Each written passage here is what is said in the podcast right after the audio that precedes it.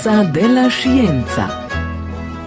Oddaja o naravoslovnih znanostih. Vsako drugo sredo ob 20.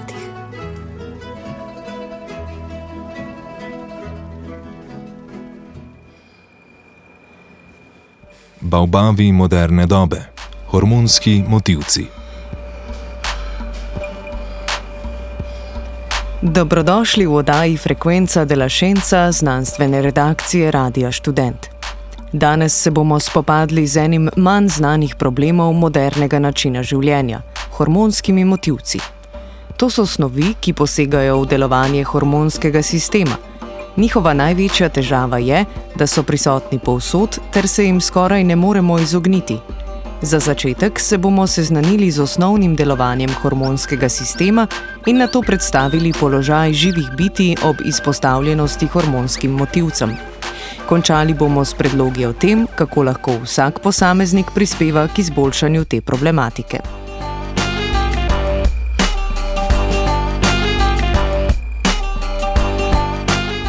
Preden zabredemo v okoljsko problematiko hormonskih motivcev, se moramo seznaniti s človeškim hormonskim sistemom, prek katerega naše telo na prefinjen način uravnava raznovrstne procese in pomaga ohranjati nespremenjeno notranje okolje.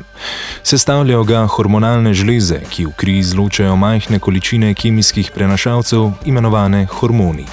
Ti po krvi potujejo do tarčnih celic, na katerih sprožijo točno določen odziv.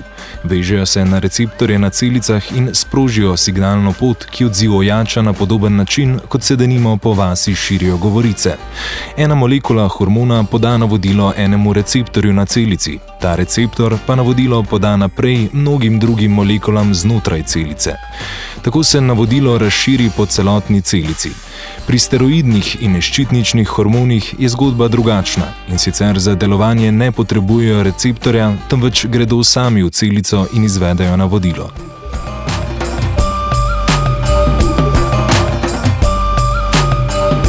Narava navodila se razlikuje od hormona do hormona. Največkrat je to ukaz za izdelovanje beljakovine, ki poleg izvajanja ukaza onemogoči nastajanje novih hormonov.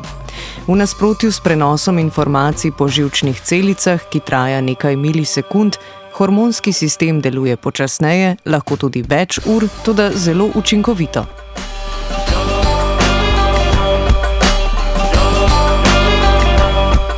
Kot že rečeno, se preko kemijskih prenašalcev uravnavajo različni procesi. Hormoni, kot je melatonin, urejajo naš spalni cikel in razpoloženje. Z nihanjem progesterona in estrogena se naprimer ureja menstrualni cikel in spolni razvoj pri ženskah. Z inzulinom in glukagonom pa se uravnava krvni sladkor.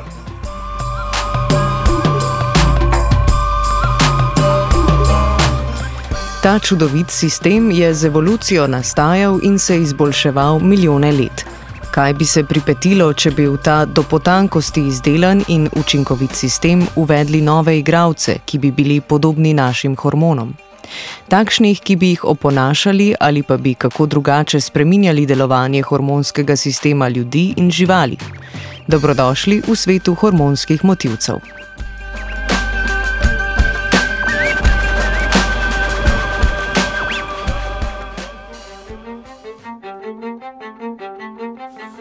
Poznamo več vrst hormonskih motivcev, ki jim stujko pravimo endokrini disruptori.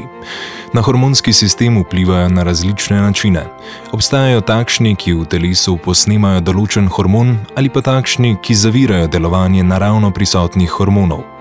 Drugi hormonski motivci vplivajo na izdelavo in predelavo hormonov v telesu ter tako spreminjajo njihove koncentracije. Lahko pa prav tako spremenijo občutljivost telesa na hormone.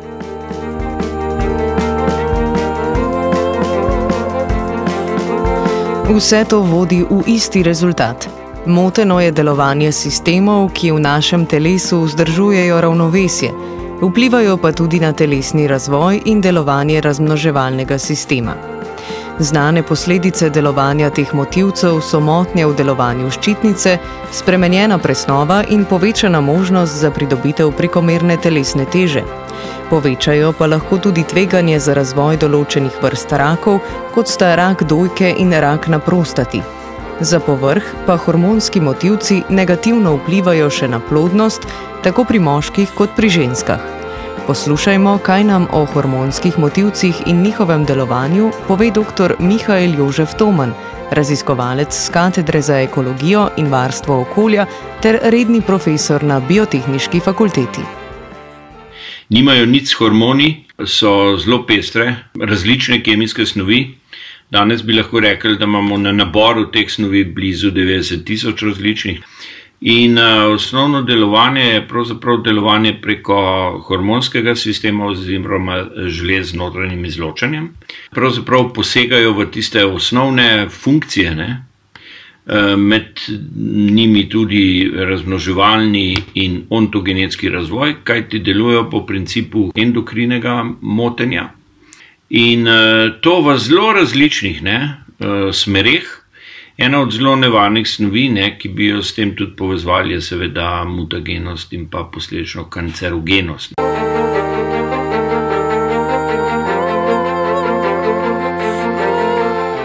Da ne bomo mlatili prazne slame, se bomo v nadaljevanju posvetili konkretnim snovem, ki jih opredeljujemo kot motivce hormonskega sistema. Naj omenimo še, da je večino teh snovi ustvaril človek, zato govorimo o umetno ustvarjenih hormonskih motivcih.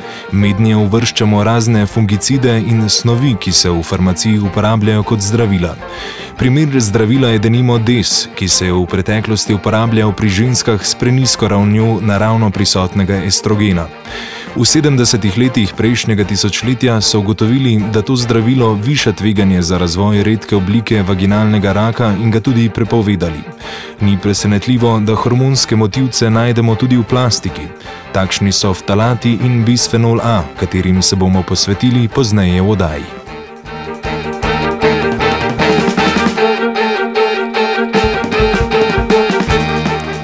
Znani endokrini motivci so tudi pesticidi, kot sta DDT in atrazin. Predvsej zelo glasen je v 60-ih letih prejšnjega stoletja postal prav DDT, ki se kopiči v maščevju živali in ljudi. Pri ljudeh DDT vpliva na delovanje ščitnice, spolnih hormonov in inzulina, zelo znan pa je tudi učinek na ptice v jede. DDT je pri pticah povzročil tanjšanje jajčne lupine do te mere, da je beloglavemu orlu, ikoni Združenih držav Amerike, grozilo izumrtje. Na srečo orlov in ljudi so se ameriški zakonodajalci enkrat za spremembo podvizali in uporabo pesticida prepovedali. Sledile so prepovedi uporabe tudi drugje po svetu, tudi vseeno je DDT v nekaterih državah še vedno v uporabi.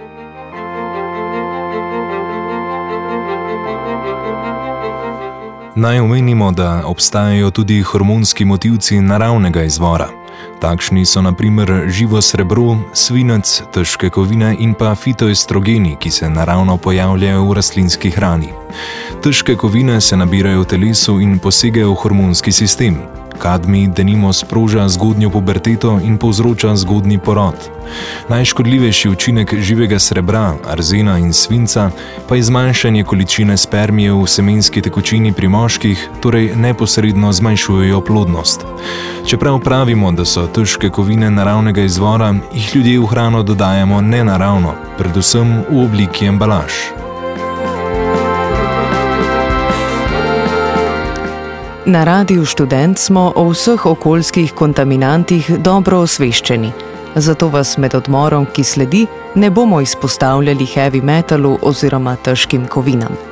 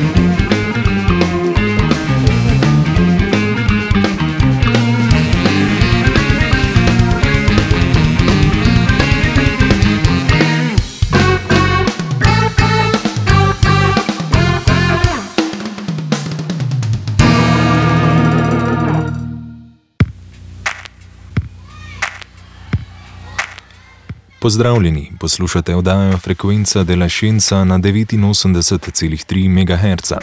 Danes govorimo o hormonskih motivcih. Spoznali smo se že z delovanjem hormonskega sistema in izvedeli, kaj za vraga sploh so hormonski motivci. V nadaljevanju oddaje vam bomo predstavili še katerega od hormonskih motivcev, vam povedali, kako pridejo v naše telo in jih poskušali odstraniti iz našega okolja.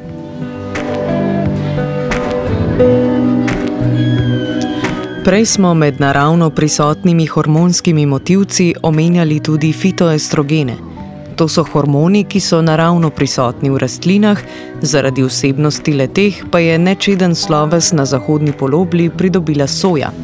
Zaradi lastnosti in zgradbe fitoestrogenov naj bi namreč obstajala možnost, da delujejo škodljivo. Skrb o potencialnih negativnih učinkih fitoestrogenov narašča tudi zaradi tega, ker narašča število predelanih prehranskih izdelkov iz soje, kot so sojeni proteini in prehranski dodatki ter formule za dojenčke na osnovi soje.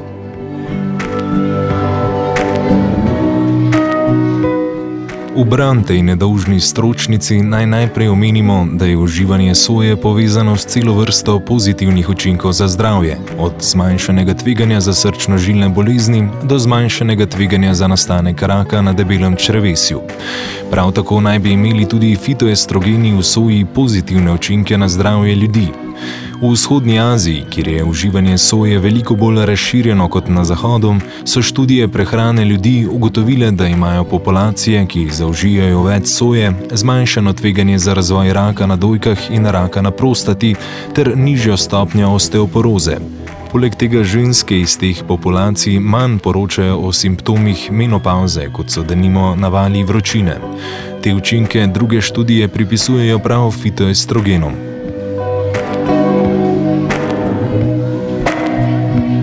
Na zadnje bi omenili še, da lahko tudi ženska hormonalna kontracepcijska sredstva uvrstimo med hormonske motivce, vendar je v tem primeru motnja delovanja hormonskega sistema želen učinek.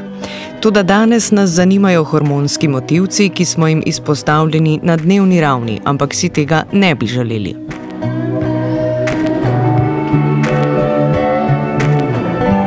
Sedaj, ko smo se malo bolje spoznali s snovmi, ki delujejo kot hormonski motivci, prisluhnimo še dr. Mihajlu Jožefu Tomanu, ki nam pove, iz katerih virov v telo vnesemo največ teh snovi. S hrano in vodo, to je dejstvo, veliko manj uh, kot zaenkrat kaže uh, iz atmosfere, vendar se seveda pojavljajo te snovi tudi v delcih, ki plavajo v zračni masi od katere smo pa seveda vsi odvisni. Eh, zanesljivo največ pa preko vode in hrane. Zdaj, če bi vprašali, preko katere vode, seveda eh, je eden od pomembnih virov tudi predpakirana voda ali kot eh, radi rečemo, vode v plastenkah, kjer so že seveda številni delci zaradi same priprave, stabilizacije in tako naprej. Same plastenke so vir teh snovi, potem uh, pločevinke, so, uh, katerih notranjost ne, je prevlečena s številnimi snovmi, ki so potem vir hormonskih motilcev. Uh, ponekod, recimo, znameniti BPA. Uh, zato imate že danes pri marsikaterih proizvodih napisano, ne, da je tako imenovano BPA-free, kar pomeni brez teh hormonskih motilcev, Ta BPA se je nadomestil z drugimi kemičnimi snovmi, za katere ugotavljamo, da so ravno tako hormonski motilci. Tako da ne nasestna zgodba, da ni nič, ne. je morda še več, ni pa BPA-ja. In uh, potem predpakirani hrani. Jaz mislim, da to je pa predpakirana hrana, je pa sploh eden od glavnih virov, uh, kjer dobimo številne snovi, ki delujejo v tem smislu.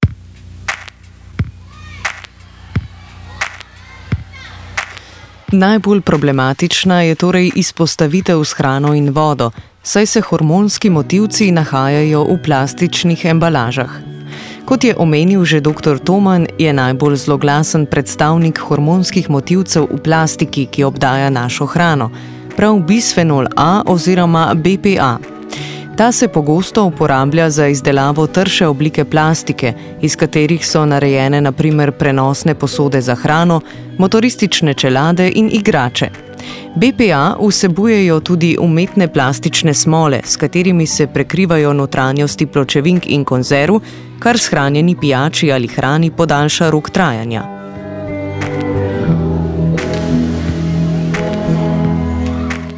BPA je hormonski motilec, ki v telesu posnema ženski spolni hormon estrogen, v preteklosti pa so ga znanstveniki in znanstvenice uporabljali celo kot nadomestek estrogena pri poskusih na živalih. Ko so v 90-ih učinke te snovi podrobneje preučevali, so ugotovili, da ima že manjše količine snovi negativne posledice na razmnoževanje in razvoj živali. Pri miših, da nimo BPA zmanjšuje število spermije v semenski tekočini, napake pri razvoju jajčnih celic ter sproža zgodnjo puberteto. Podobne rezultate so zabeležili tudi pri primatih. Molekule BPA so v plastiki medsebojno povezane in takrat za nas niso škodljive. Težava nastane, ko se s časoma kemijske vezi med njimi prelomijo. To povzroči nastajanje manjših molekul, ki delujejo kot hormonski motivci. Ti delci iz embalaže prehajajo v okoliško hrano in pijačo. BPA je tako razširjen, da ima po podatkih raziskave iz leta 2008 95 odstotkov ljudi iz ZDA in Japonske v urinu prisotno zaznavno količino substance.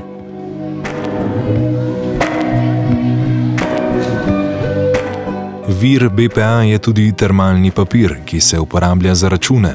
Ko se jih dotaknemo, BPA prehaja skozi kožo, prav tako pa ga v telo vnašamo z neumitimi rokami. Na računih je še posebej problematičen, saj je že prisoten v obliki, ki moti delovanje hormonalnega sistema. Izkazalo se je, da ta papir predstavlja drugi največji vir BPA za ljudi, takoj za konzervirano hrano.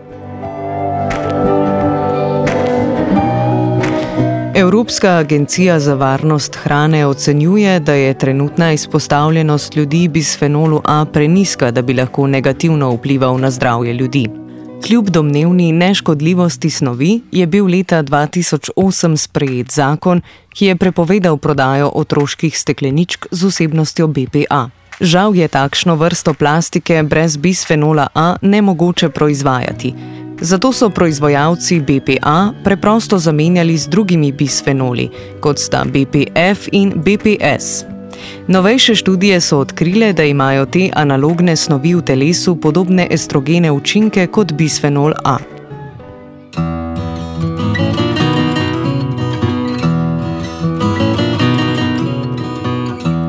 Bila pulja in gozdovi bila cesta, je in gas, bilo lice ima dekle,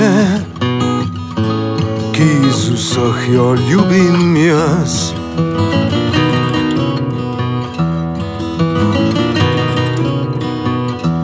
Bile gore so domovi svetov bil, je njih na kras, bile roke ima tekle,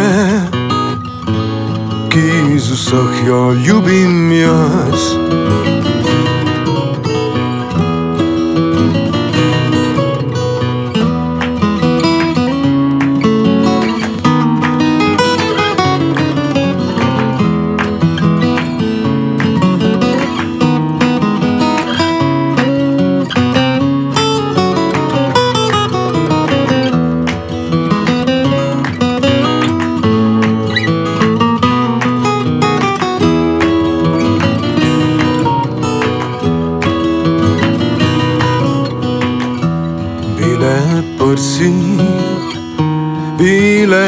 roke,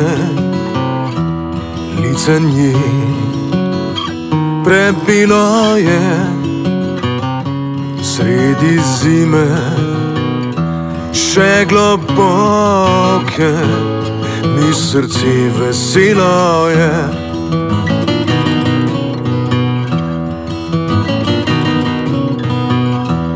Truden, mračen, neprijazen odljuden, zimski čas, da še deklic ni nam takih, pa vzmili Bog se nas. Pa vzmili Bog se nas.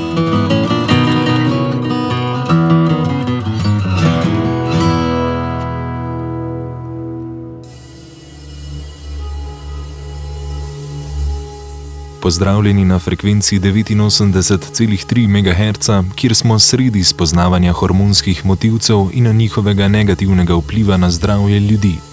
Vračamo se k hormonskim motivcem, prisotnim v plastičnih materijalih, v nadaljevanju se bomo posvetili še ftalatom.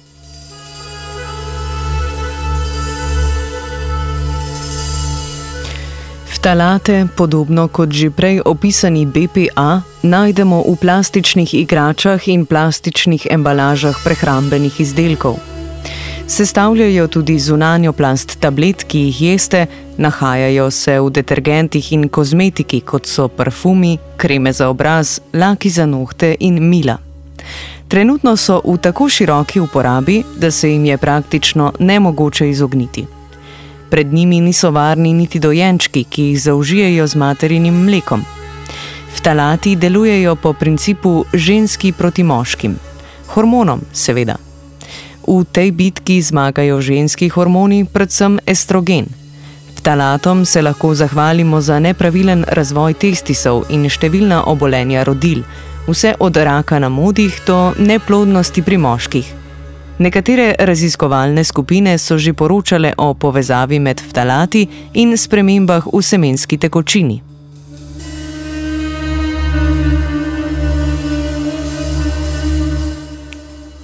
Pravi izziv področja teh snovi je, da so v okolju največkrat prisotne v zelo nizkih koncentracijah. Količine so tako nizke, da jih današnji monitoring okolja včasih sploh ne zazna. Če so koncentracije tako nizke, zakaj so potem sploh pomembne? V jezerih je lahko koncentracija DDT pod enim delcem na milijardo in takrat ga zaznamo le s težavo. Toda alge, ki v jezeru rastejo, lahko vsebujejo tisočkrat več snovi. Živali, ki omenjene alge pojedo, bodo motilce kopičile v telesu in jih vsebovale vedno več. Tako se količina hormonskih motivcev veča, ko se premikamo po prehranski verigi navzgor, dokler v človeškem materinem mleku ne dosežemo tudi 100 delcev na milijon.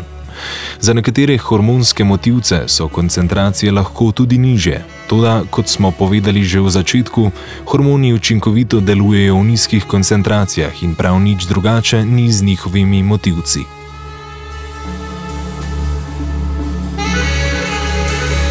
Dodaten izziv predstavlja njihova strukturna raznolikost, zaradi katere je težko določiti povezave med njimi in delovanjem v telesu.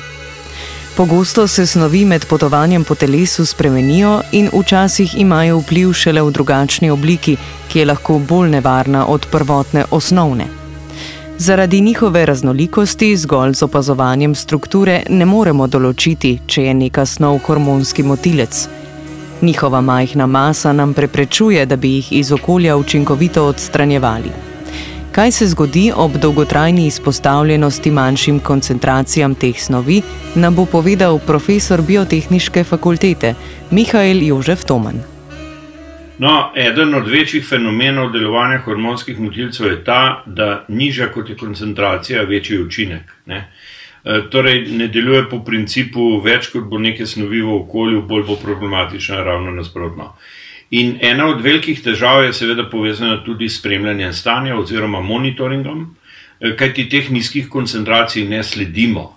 Zato z drugimi besedami pogosto tudi rečemo, ne, da hormonski motivci delujejo na dolgi rok, to se pravi kronično. To, kar je danes, ne, je situacija, ko imate zelo nizke koncentracije. Eh, ki pa se v desetih letih gre tudi za akumulacijo in biomagnifikacijo. In to so osnovni problemi tako imenovanega delovanja na daljši čas.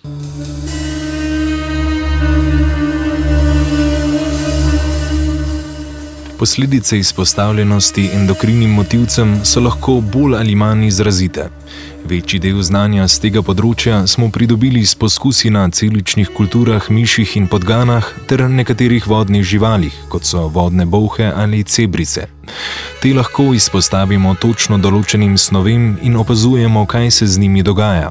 Po izpostavitvi endokrinim motivcem lahko raziskovalci na različnih modelnih organizmih opazujejo prezgodnjo puberteto in spolni razvoj, porast tumorjev ter rahle spremembe barve organizmov. E, tudi ena velika težava je, ker večino podatkov o endokrinem delovanju in o tako imenovanih hormonskih motilcih imamo iz raziskav različnih vodnih organizmov, predvsem in seveda neposredno prenašanje na človeško populacijo, na ljudi, ni ravno mogoče. Ne? Vendar je pa ravno eh, morda prednost o razmišljanju v tej smeri, pa povezana s tem, da je pa endokrino delovanje pri organizmih, pri živalih nasploh podobno.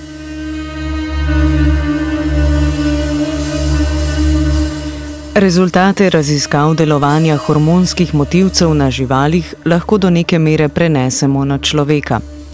Največ prahu dviga dejstvo, da se z neplodnostjo srečuje vedno več parov. Mnogo več žensk se spopada z motnjami v ovulaciji, s težavami pri laktaciji ali hormonsko odvisnimi oblikami rakov, kot je rak na dojki, pri moških pa rak na prostati. Raziskovalne skupine, ki so spremljale zmanjšanje števila spermijev v semenski tekočini in proces razmnoževanja, so predvidele, da so za to krivi kontaminanti v okolju. Nažalost je praktično nemogoče določiti direktne povezave med takšnimi opazovanji in izpostavljenostjo omenjenim kemikalijam. Učinek hormonskih motivcev je največji, ko je telo v obdobju zarodka. Takrat telo še ni spolno zrelo, zato ne moremo določiti, kakšen je vpliv na razmnoževalno sposobnost kasneje v življenju. V kolikšni meri so to res posledice hormonskih motivcev, nam pojasni profesor Toman. Eden od problemov neugotavljanja posledic hormonskih motilcev je predvsem ta, da se uh, učinki različnih kemikalij, torej tudi hormonskih motilcev, potem kancerogenih in mutagenih snovi seštevajo. Zdaj, za mene sploh ni pomembno vprašanje, kdo je kriv, ne? ali so to hormonski motilci ali so druge kemične snovi. Problem je v tem, da je tega v okolju preveč zaradi načina rabe, načina življenja in uh, pravzaprav problematike, ki je globalna in celovita in se jo niti ne da rešiti na nivoju ne držav, ne kaj šele. Eh, manjših enot, ampak da gre za uh, svetoven problem. In ko smo začeli govoriti o feminizaciji, ne, predvsem pri ribah, se je zelo hitro pokazalo, da lahko določene povezave potegnemo tudi pri ljudeh, pri tako imenovani neplodnosti, pri spremembah uh, torej spermijo ali če čete spermatozoidov, kar običajno imenujemo pri živalski uh, zgodbi. Uh, In dejansko je neplodnost, bi rekel, družb ali družbenih skupin, ki se pretežno ne, eh, znajde v tej zgodbi sodobnega načina, bodi si prehranjevanja, rabe proizvodov, eh, oblačenja, življenja v nevarnem kemijskem okolju, ki smo mu vsi podvrženi, dobite zelo pozitivno korelacijo med tako imenovano reproduktivno sposobnostjo, ki je predvsem vezana na moški spol, ne, reproduktivno sposobnostjo in posledicami. Ne. In zato je ta povezava lahko z gotovostjo trdno povezana s sodobno kemizacijo okolja. Hormonski motivci so torej obširno in kompleksno področje, ki še zdaleč ni dokončno raziskano. Kljub temu se moramo s težavo soočiti, preden bo prepozno. Če lahko kaj storimo tudi sami, bomo izvedeli po premoru. Ostanite z nami na frekvenci znanosti.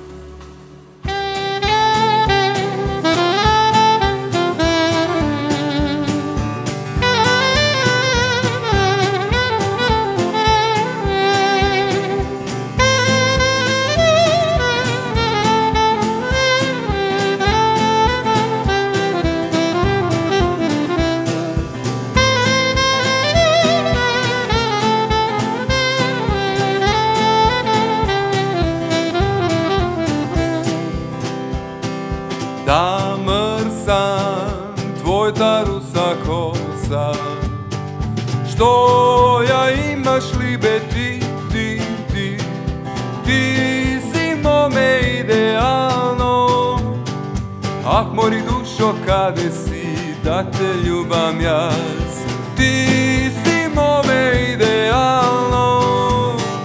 Ah, mori dušo kade si da te ljubam jaz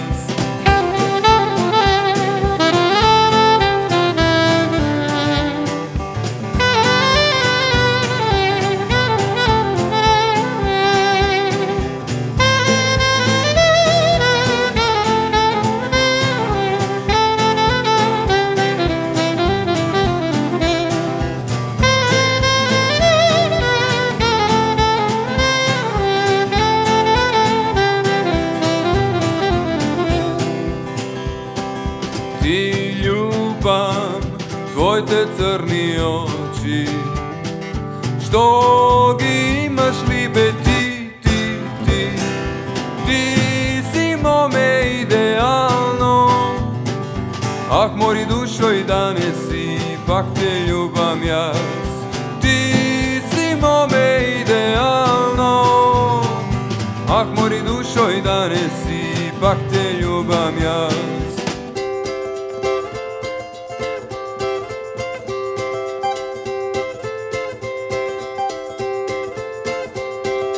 Go ljubam, belo to ti lice.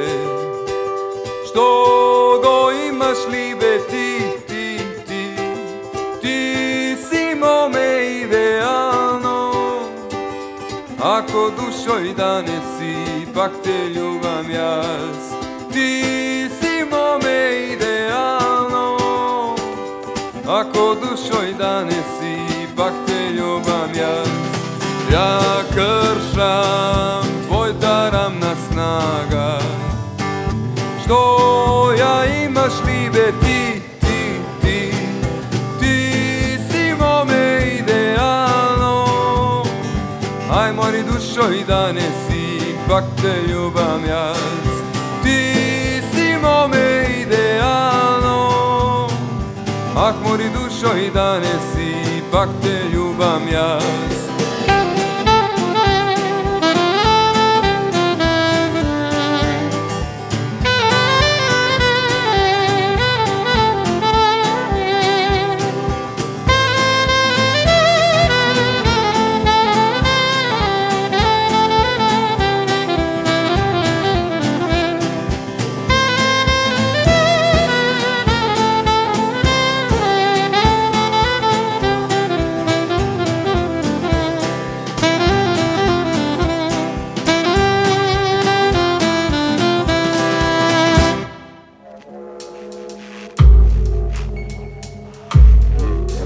Poslušate oddajo Frekvenca de la Scienza, kjer se danes ukvarjamo s hormonskimi motivci.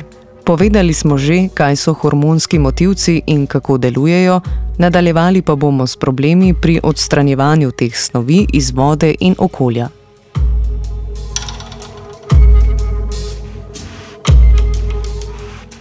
Dan danes v trgovinah najdemo razno razne filtre vode, ki obljubljajo vodo brez teh snovi, vendar moramo do takšnih obljub ostati skeptični.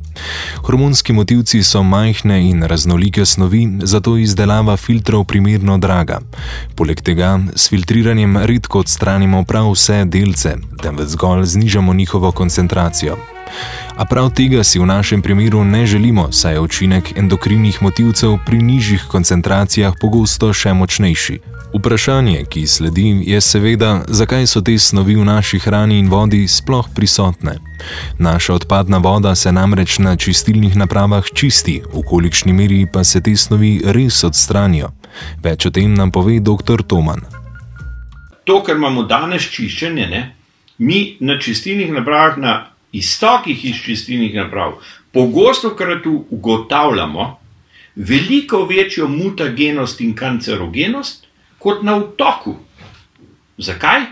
Zato, ker imate v čistilni napravi nepopolno razgradno številnih snovi, ki jih danes uporabljamo, in so razkrojni produkti, ki se zgodijo v čistilni napravi, mnogo bolj mutageni in kancerogeni kot pa v izhodiščni odpadni vodi. Torej, gre za vprašanje, ne, kako bomo tehnologijo sploh predelali in preuredili, da bomo imeli manjšo onesnaženost očiščene vode. Mi ne čistimo teh snovi, o katerih se mi danes pogovarjamo. In zato so tehnologije, absolutno so možne tehnologije, niso pa to filtri. To so zgolj in samo tehnologije na kemijski osnovi, ki so pa tako zelo drage, da kar pozabimo, da bomo kdajkoli odstranjevali hormonske motilce iz vode. Ampak jih bomo mogli na viru zmanjšati in preprečiti, da bi v vodna okolja sploh prišli. Torej, ne se pogovarjati o tem, kako jih bomo odstranjevali in čistili iz odpadnih vod, ampak kako v vode ne bodo prišli. To je osnovno vprašanje.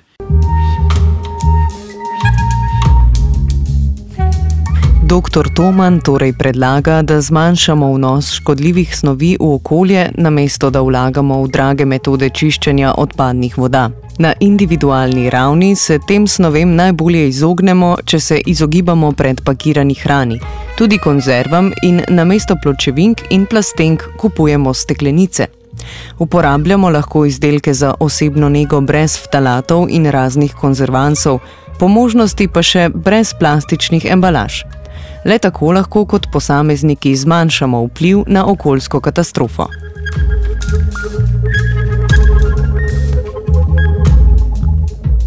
Hormonski motivci so zanka, v katero smo se zapletli ljudje sami. Postati moramo bolj kritični do snovi, ki jih vnašamo vase in v okolje, predvsem pa bolj kritični do potrošniškega načina življenja, v katerega smo ujeti s kapitalizmom in korporacijami. Masovno proizvajanje nerazgradljive embalaže za enkratno potrošnjo ni le neekonomično, ampak povzroča obširno okoljsko škodo, med katerimi je vnašanje hormonskih motivcev le ena izmed mnogih posledic. Prepričani smo lahko, da se brez potiska v pravo smer ne bo nič spremenilo. Potrebujemo torej strožjo zakonodajo in v družbi širše prisoten občutek odgovornosti do okolja in na vse zadnje sebe. To je naše maslo, iz te godlje se bomo morali izvleči sami.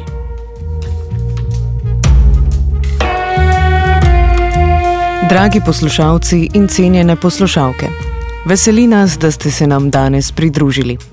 Če ste pozorno poslušali, ste se lahko poučili o delovanju hormonskega sistema in kako naše telo s hormonskimi motivci zmedemo, lahko pa povzročimo tudi hujše tegobe, kot so neplodnost, tumor ali rak.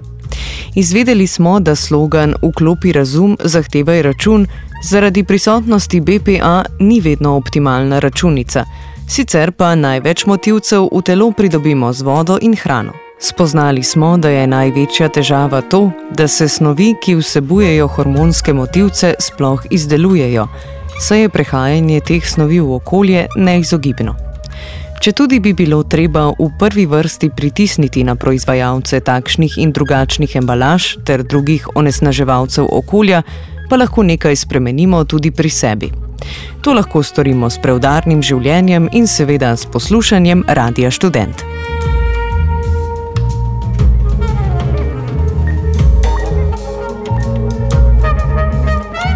Oddajo sta pripravili Kaja in vajenka Živa, ki sporočata, da od sedaj naprej pivo pijeta le še iz steklenic. Oddajo sva s papirja brez BPA brala Amg in Lauro, urednikoval je Arne, tehniciral je Lič.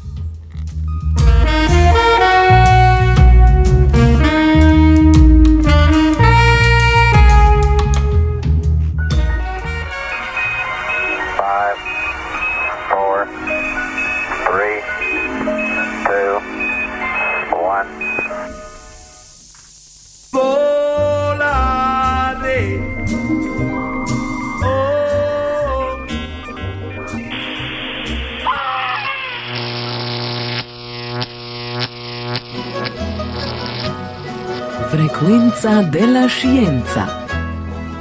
Oddaja o naravoslovnih znanostih.